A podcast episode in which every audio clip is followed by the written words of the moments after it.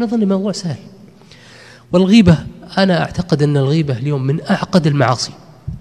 من أعقد المعاصي لأن يا أخي ابتليت بها المجالس.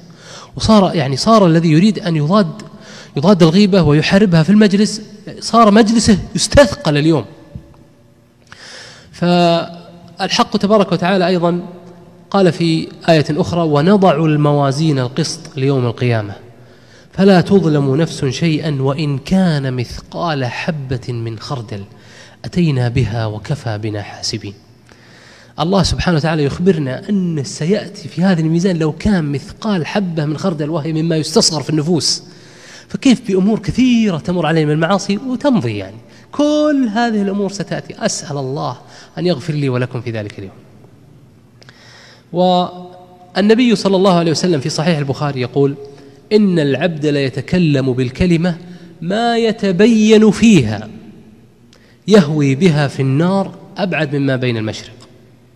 إن العبد ليتكلم بالكلمة ما يتبين فيها يهوي بها وفي رواية يزل بها في النار أبعد مما بين المشرق. يعني يا جماعة ناظروا الوصف. قال ما يتبين فيها يعني هو ألقى الكلمة ما تبين فيها أصلا هو ما تفكر ولا تدبر في العبارة عرضت له على ذهنه واستحسنها والقاها. رأى يعني رأى أن يعني الموجودين ممكن يضحكون من هذه العبارة.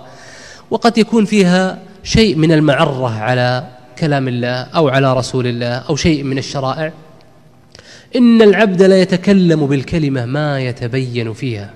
يزل بها في النار أبعد مما بين المشرق وفي سنن النساء أن النبي صلى الله عليه وسلم قال لعائشة يا عائشة إياك ومحقرات الذنوب.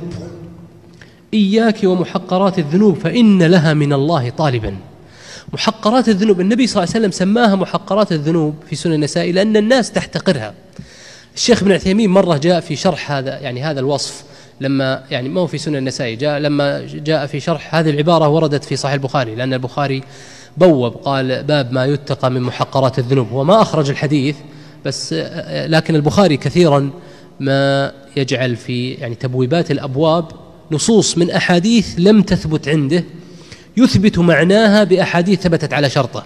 وهذا كثير في البخاري. قال باب ما يتقى من محقرات الذنوب. الحديث ما ثبت على شرطه لكنه بوب عليه بهذا المعنى. قال الشيخ ابن عثيمين في شرح العبارة ما محقرات محقرات الذنوب؟ قال هذا مثل قولهم هذه بسيطة والله غفور رحيم. ثم أخذ الشيخ يحذر من هذه يعني هذه المسألة التي انتشرت اللي هي الاستهانة بها المسائل